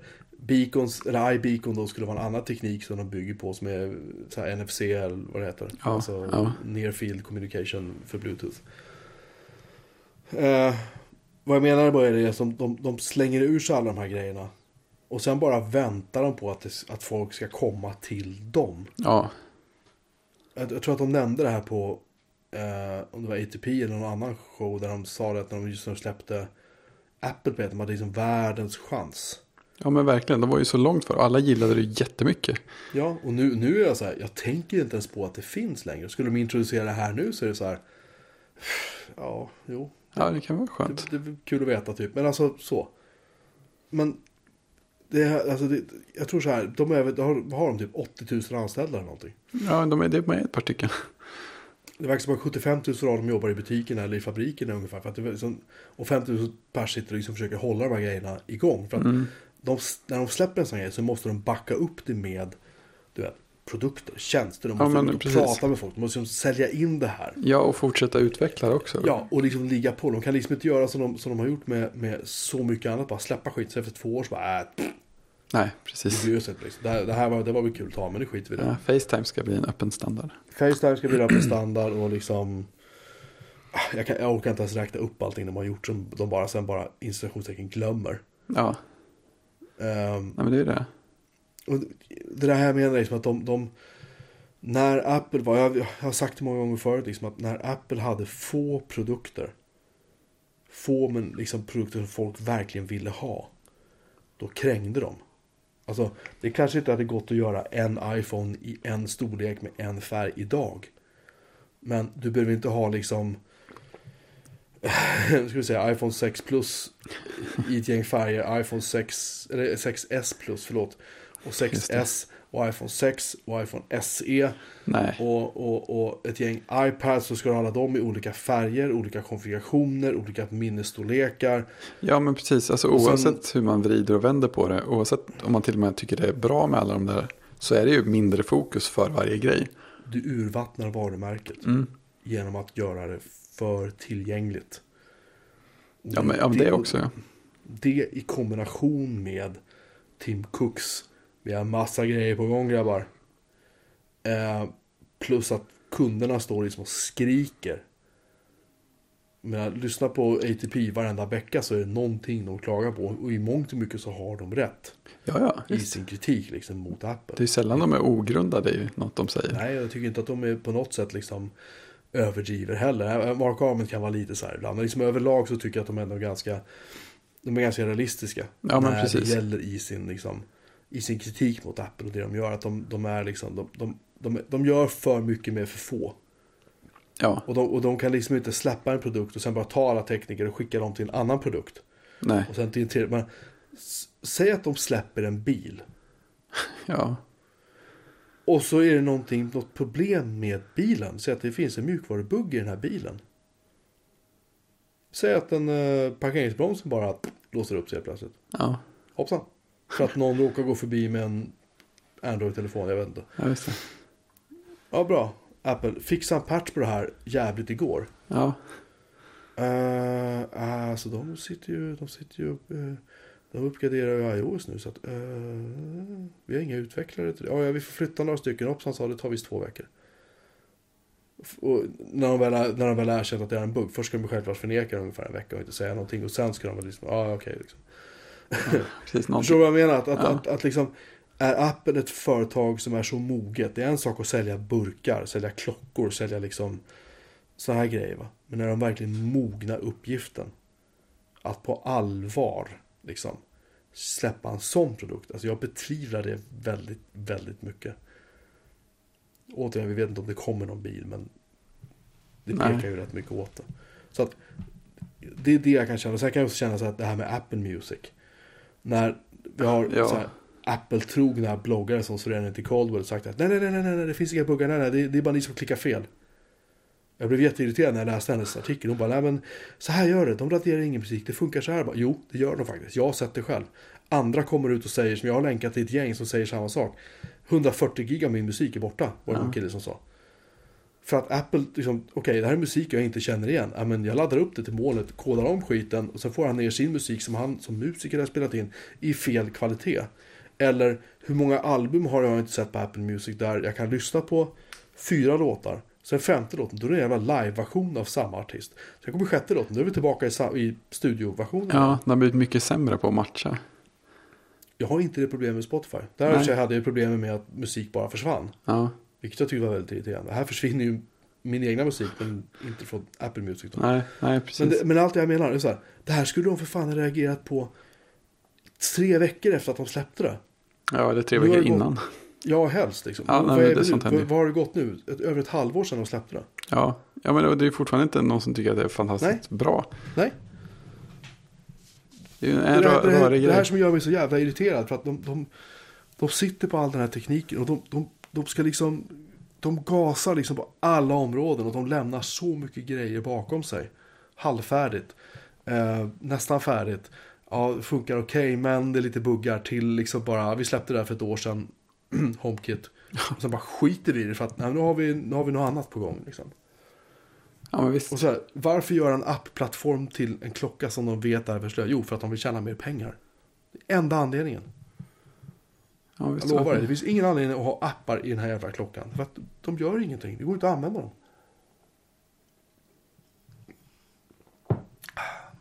Därför skrev jag den där krönikan. Ja, den är, den är läsvärd. Tack. Min poäng är liksom inte att, att, att, att liksom kissa på dem, för det är inte det. Men poängen är det att när Apple var mindre och hade färre produkter så gjorde de ett, för det mesta, fan så mycket bättre jobb. Och de, de, alltså de, de, var, de var kompetenta nog på den tiden till att bygga bra servrar och bygga bra serverlagring. Och det är inte enkelt. Men de kan liksom inte liksom, koda ihop en musiktjänst. Så det blir säkert inte heller enkelt. Men min poäng är bara att den raderar folks musik. Och de blånekar till det. Ja, de gick, ja, de gick ut till slut och sa att det fanns en bugg va? i Ja, iTunes. nej, det kan ha funnits en bugg. Som- Kan ha funnits. It may. Som, som påverkat ett extremt litet antal användare. Absolut, det är säkert bara två, tre stycken. Så att, eh, Ja, nej. det, det, det, är här som är hela min, det, här, det här som är min beef liksom, med, med, med fruktbolaget. Att de faktiskt, det känns som att de, de tar så lång tid på sig att reagera. Det tar så lång tid för dem att släppa patcha till säkerhetsproblem. Det tar, allting tar sån tid. Jag menar, Heartbleed. Vem, vem glömmer inte det? Microsoft bara, vad tog det? 24 timmar, här har ni en patch. Om ens det. Linux, det var liksom timmar bara så var OpenSSH patchat till Linux, till alla BSD. Apple, eh, jag vet inte, en, två veckor. Ja, jag Kanske till och med inte. ännu mer. Ja, det tog, jag har för mig att det var minst två veckor tog det när jag fick en Mm. patch för det. Och det är klart, vi ska inte köra servrar med OS 10 på. Eh, Jo, det ska vi göra förresten. Vi ska, vi ska ha våra, vår, hela vårt MDM-verktyg för hela företaget där. Ska skyddas av ett, en SSL-funktion som man faktiskt, som inte är säker. Nej. Så man kanske i princip kan, då, kan knäcka sig in i MDM-verktyget för hundratals enheter på ett företag. Och fucka upp dem så det sjunger om det. Ja. Mm, fast vi ska inte ha servrar igen. Nej, jo, nej, jo. Nej. Det, Och så vidare och så vidare. Så att det är därför jag skrev det. Det är därför jag tycker att, att mitt förtroende för Apple är ganska lågt som ett företag som är innovativa. Därför att de är inte innovativa. Att Nej. göra en snygg liksom, introfilm till VVDC eller till någonting, den här thousand knows. ja, den känns ju inte överhuvudtaget. eh, Den känns ju inte Nej. något sann längre.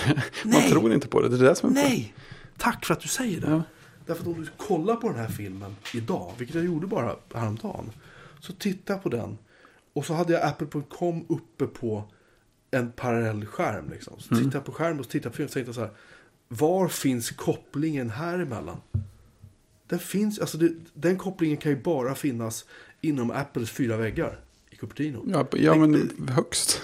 Ingen utanför Apple kan ju faktiskt tro på det här. Ja, nej, men det, det var ju det som var skillnaden för, för ett gäng år sedan. Att då när man såg en sån där så kunde man åtminstone, man behövde kanske inte hålla med själv om allting, men man kunde ändå känna att jo, de, de som gör det här och säger så här och gör en sån video, de, de tror stenhårt på det. De menar det som, menar och agerar som det som sägs här. Ja, alltså, alltså att, att ha ett Apple som under så många år, alltså framförallt efter Jobs kom tillbaka och sen sedermera av Under de åren så sa inte Apple någonting om de inte hade någonting att säga. För det mesta. Ja, När de presenterade någonting, de presenterade grejer kanske, vadå, två, tre gånger om året max. Och, Ja, typ. Men då, då räknades det. Då satt man där och bara så här, oh. ja, Även om det bara var en ny iPod i en ny färg så var det, oh. Eh, och, och visst är det så att världen förändras, vi går framåt, saker och ting händer, konkurrenterna kommer med nya grejer. Allt det där köper jag, jag har inget, inget problem med det. Men nu, de har, de har urvattnat sitt egna budskap till det milda gräns att de måste skicka ut ett pressmeddelande om att de har uppgraderat ett, en applikation med några nya instrument. Ja, ja, men visst. Det, det fanns inget annat att säga, hörni. Då kanske ni inte borde säga, säga det här. Behöver inte generera o- brus bara för sakens skull. Och det är en grej som Apple var väldigt bra på förr i tiden. Har vi ingenting att säga, då håller vi käft. Ja, nu är det mer att de bara har nackdelarna av att, vara, av att försöka vara hemlighetsfulla. De, de pratar om oväsentliga saker och sen så, ja, sen så släpper de saker ibland. Så här, och så, jaha, okej. Ska det bli De något mer av det här eller ska det Nej. inte bli det? Så här, vad ska det ta Precis. vägen? De följer ju inte upp ord med handling. Nej, Det finns liksom, det känns som att det är väldigt lite substans bakom det Apple, eller det, på det sätt som Apple vill framställa sig. Finns det väldigt lite substans bakom. ja. Det är egentligen det jag försöker säga. Behöver de helt enkelt byta image eller borde de försöka komma tillbaka till det de var? Jag, jag, tror att, jag tror en stor anledning till att Apple var så mystiskt förr i tiden var för att de hade en presschef som heter Katie Cotton jag för mig, som var en, en riktig satmara tydligen. Hon, hon, var, hon var ju jättebra kompis med Jobs. Ja, Och när de bestämde sig för att, det skulle, att Apple skulle inte räcka och pressen skulle behandlas liksom med kära och fjädrar. Ja. Så eh, då var det så. Ja. Och sen när Apple hade någonting att berätta då var, då var pressen deras bästa kompis i ungefär två timmar. ja just det. Eh, och sen kunde man dra till helvete igen. Ja. Ursäkta, ursäkta språket. För det var så det var. Ja, ja, Och, och vara journalist och jobba med Apple. Det spelar ingen roll hur mycket de lokala pressmänniskorna i Sverige eller andra länder ville jobba. De fick inte. De fick inte säga flaska, utan de i princip, deras jobb var att säga inga kommentarer.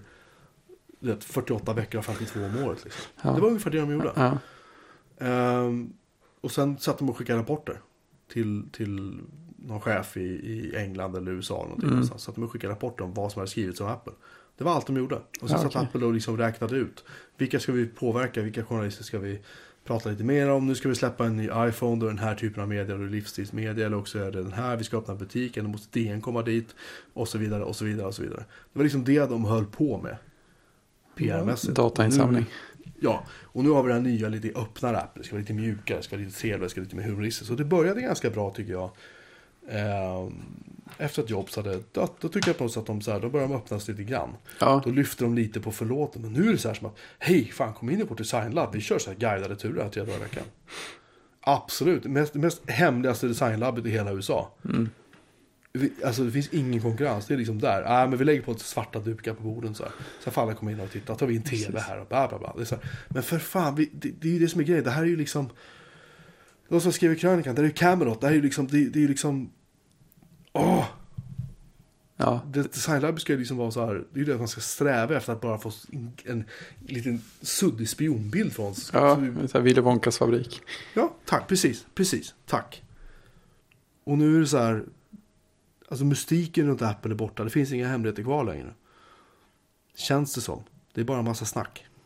Ja, precis. Man, man, om, om det hände lite intressanta saker på ett annat sätt skulle man kanske känna att det fanns hemligheter. Jag menar, det kanske gör det, men man känner inte att man riktigt bryr sig eller vågar hoppas på att det ska vara något häftigt just nu.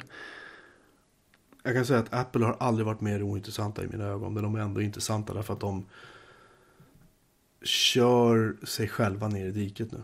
Alltså vad de ska göra nu är bara vara tysta. De ska skita i börskursen, de ska skita i vad investerarna tycker, de ska skita i vad analytikerna tycker. Och bara gör sin grej. Håll tyst i ett kvartal och bara kom tillbaka och sparka stjärt liksom. Ja, men precis. Eller, eller, eller prata och säga saker som ni faktiskt följer upp och menar. Men Mm. börja, börja med att följa upp lite grann så att ni kan säga att ni har gjort saker istället för att vi har häftiga saker på gång. Tro oss. Jo då. Lite så. Ja, nu är det precis som att de, ber om, de ber om vårt tålamod. Om och om, om igen liksom. ja om de ändå gjorde det rakt ut. Ja, men det kan de inte göra för då Nej. är de ju losers och istället så ska de framställa sig själva som att Ja, precis. det är grejer på gång. Vet Ja, precis, det går ganska bra. Oj, oj, oj, oj, oj. När som helst nu. Ja. Då, då kommer det bara smälla. Nej, usch. Vi pratar om något annat. Jag blir deprimerad av det här. ja, det är inte lätt. Eh, Jag var livepoddad i helgen, det var trevligt. ja, men berätta mer, berätta mer, berätta. Ja, jag var ju på Gothenburg Startup Hack. Så jag var med och arrangerade. Och då körde vi ett litet live. De kallade det för en livepodd på scenen. En liten paneldiskussion. Med Jaha. ett gäng bekanta och obekanta i, i Göteborgstrakten som jobbar på olika ställen. Så du satt, du satt framför publik alltså? Ja, Du gjorde, du gjorde en talkshow live? ja men lite så. Så det, det, var- det var riktigt roligt. Det, det, var, det var väldigt, eh, alltså jag, jag kände ju, eh, vad ska man säga, två av tre gäster hyfsat sådär. Så att jag, jag, kände att där, där, de har ju, de har ju så här, det finns garanterat massa, massa intressanta saker som kan bli sagda här bara man, bara man får liksom folk att börja prata. Och det, extra kul var det för att de fick en väldigt bra så här, personkemi de två. Så att det, blev, det blev ganska mycket bra diskussion direkt mellan dem och sådär. Så det, det var kul. Eh, och diskussionen blev ju kring alltså, så här, associationer kring, kring vad, en, vad en startup är eller inte är. Och eh, vad, det, vad det kan innebära eller inte borde innebära och, och jobba för en och sådär. Eftersom hela, hela eventet handlar ju om startups. Så Mm. det var ju ett, ett eh, hackathon på dagen där man ska utveckla en demobar prototyp av någonting som skulle kunna liksom byggas ett företag runt. Och sen var det den här podden som vi höll var ju på ett lite mer öppet så här mingelevent på kvällen efter hacket. Det var mycket så här prisutdelning och sådana grejer också där. Men det var hyfsat fristående. Så att då var det en mer generellt startup-tema. Var det en massa entreprenörer? Att det var nog några stycken. Du vet, vet vad en entreprenör är va? Jag är mycket nyfiken på din definition. Det, här, det här är inte jag som har hittat på Nej. det här jag läst, men jag tyckte det var pricksäkert. Ja. En entreprenör är en person som sitter och twittrar om att han är entreprenör. Ja, just det. Hela dagarna. Ja, det känns som, ja precis. Det är så nästa diskussion. Av, så här, vad, vad menar folk som säger det här ordet och menar det? Vad, vad tänker de? Vad, vad betyder det för dem? En entreprenör är inte, jag ska starta bolag, starta upp det, säljare, starta upp bolag, säljare, starta upp bolag. Här, nej, Ingvar, Ingvar Kamprad är en entreprenör. Ja, Stefan Persson, H&M är en entreprenör. Och så vidare, och så vidare. Bygg någonting som varar, som är varaktigt. Casha inte in och dra. Förlåt, nu sätter jag igång igen. ja precis. Vi var faktiskt inne på den diskussionen också. Att det har inte att göra med att så här, casha in. Utan det har att göra med att bygga något man, man brinner för och är entusiastisk för. För menar, när jag, den korta tiden jag jobbade i ett bolag som var risk, riskkapitalfinansierat i början på 2000-talet så var ju liksom Det var ju inte att vi skulle bygga ett företag med liksom 100 anställda för att vi ville lämna någonting efter oss. Och jag, hakade, jag förstod inte bättre så jag hakade bara på. Mm. Ska jag säga till mitt försvar, för jag var inte särskilt gammal då. Jag har varit 25 liksom, 26 på sin höjd. Ehm, utan det var så här, vi ska casha in. Vi ska ha så här 80 anställda om ett år, sen, sen, sen säljer vi bolaget så ska vi casha in. Okej, det var en riktiga, den varianten av, Det, alltså det var planen. ja. Ja, det, då, jag, redan då så undrade jag, men alltså är inte poängen att bygga någonting? Då? ja, precis, göra något bra. Ja. Ja, men det, var, det, det var vi inne mycket på också. Att det det är det som ska vara poängen. Det, det ska vara poängen att göra något bra, att lämna ett, att, ja, precis, lämna ett bidrag, göra något som man verkligen brinner för. ja.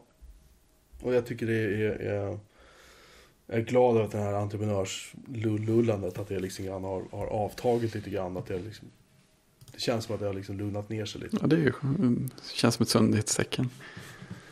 Ja, nej, så det kommer nog som ett eh, avsnitt av eh, kodsnack framöver också. Grymt, Ja, det måste vi höra. ja. ja det, var, det, var, det var kul också, man fick eh, vara med och låtsas, eh, låtsas förstå sig på ett mixerbord och sådana grejer också.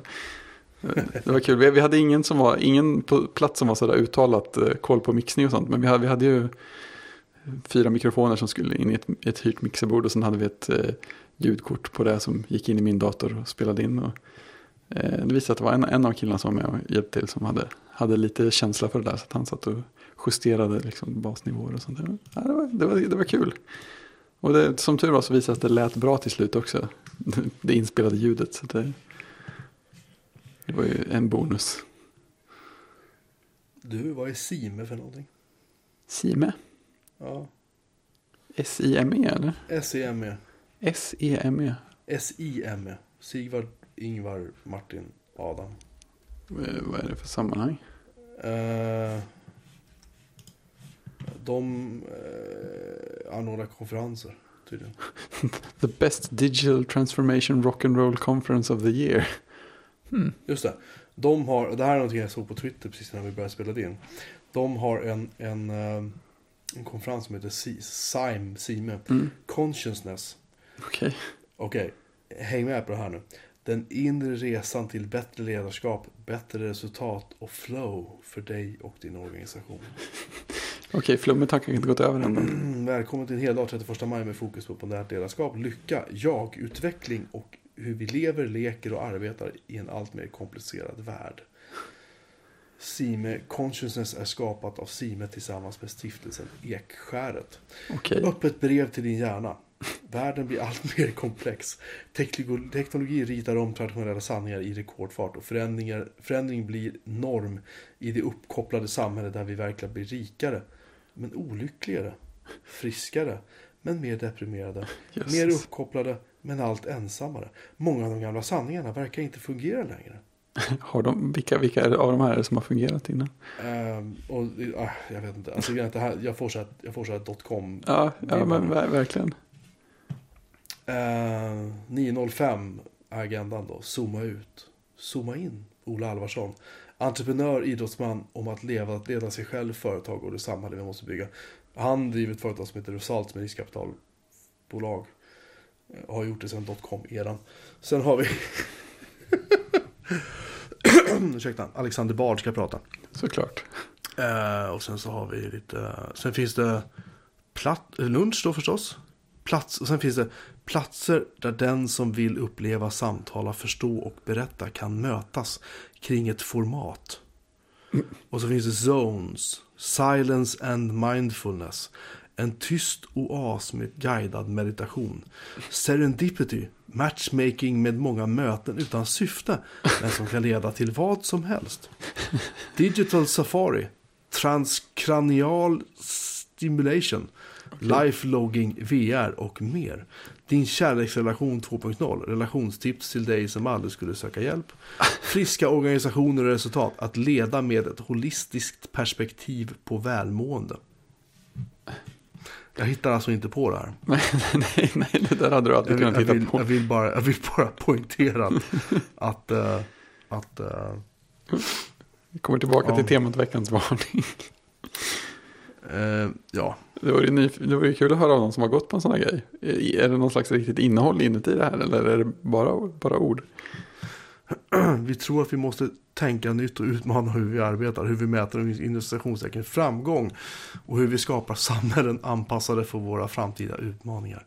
Vi är övertygade om att det i denna era av paradoxer krävs en ny typ av ledare och bolag som inte har som affärsidé att, affärsidé att exploatera planeten utan istället förbättra eller till och med rädda den. Vi tror att vägen till framgång och hur vi mår hur vi mår och en bättre gemensam agenda startar med en inre resa Vi kanske ska varna för hela den här biten av avsnittet. Vi är inte säkra att alla kommer att må bra när de har hört det här. Jag Jag skulle... känner mig, jag känner mig helt, jag känner mig helt oljig. Ja, precis.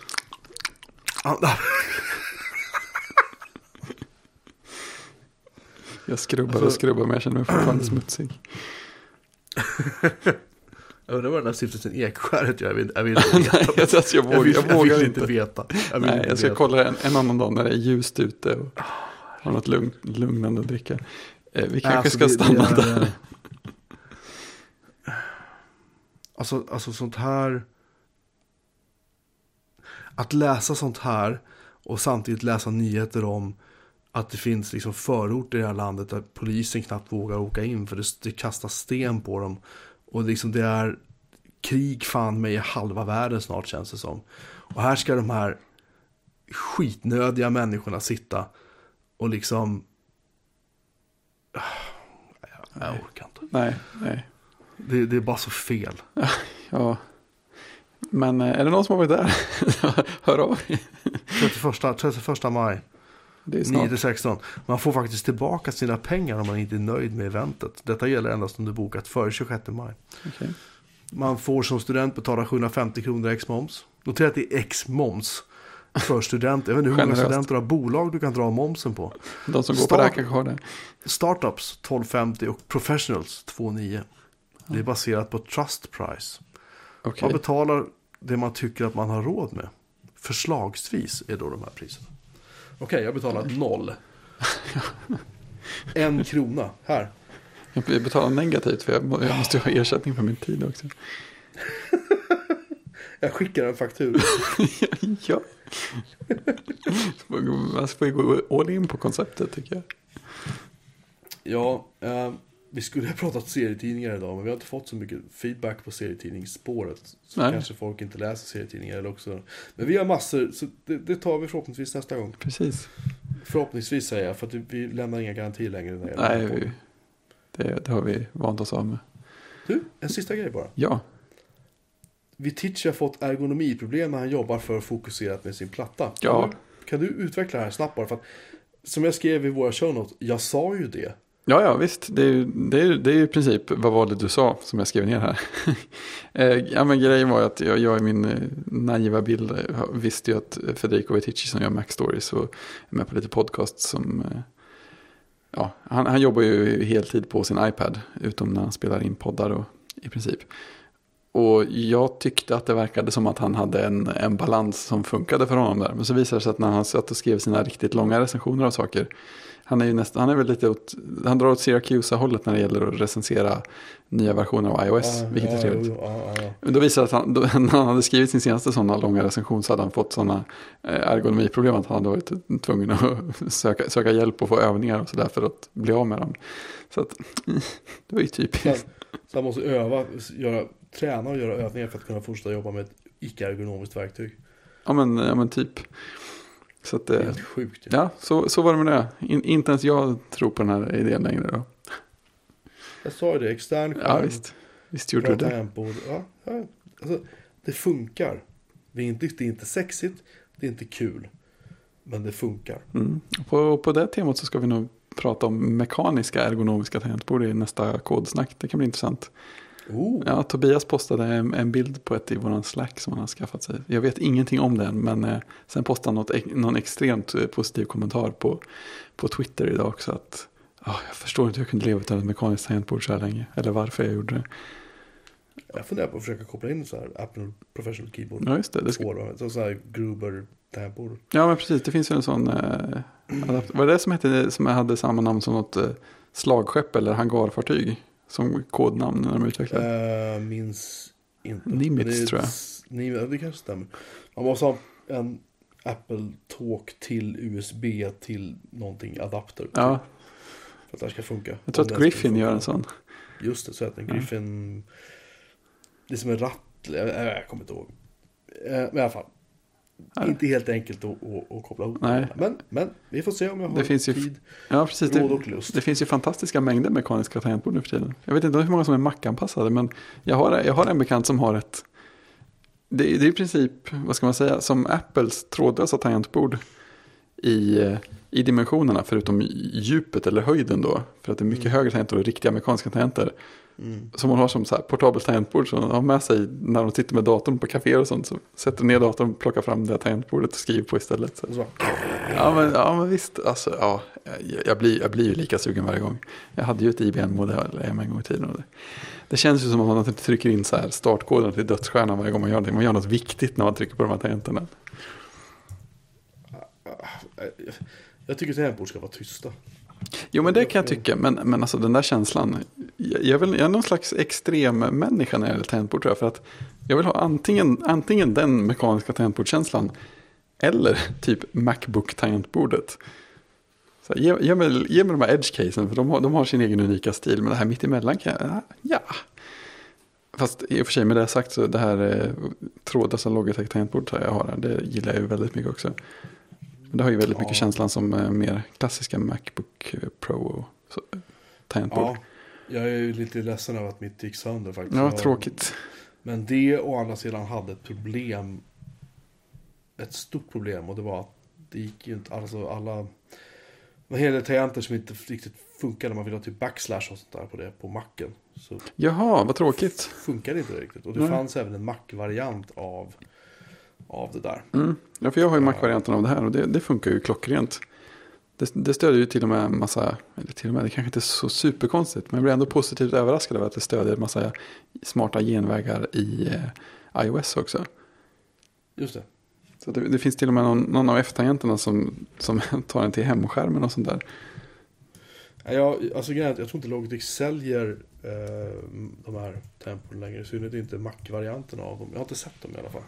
Ja, jag vill, jag vill påstå att jag har sett några Mac-specifika Logitech-tangentbord hos typ Mac-forum här i stan och så.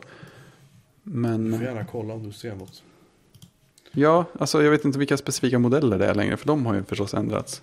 Men jag, jag, jag är rätt säker på att man i alla fall gör några som går att få tag på här i landet. Så det är ju Det är alltid det jag något. skulle vilja ha tag i. Just de där lite äldre K750 eller vad de heter. K700 eller något. Ja, just det. Har jag hört, hört talas om. Ja, det var ju sånt jag hade. Det var det som gick sönder. Så Ja. det makes me very sad i ögat gör det. Ja, tangentbord. Tangentbord är bra. Ja, men det är viktigt. Ja, det, Viktiga det är ju det. Faktiskt. Det är inget man, eh, det är inget man skojar bort.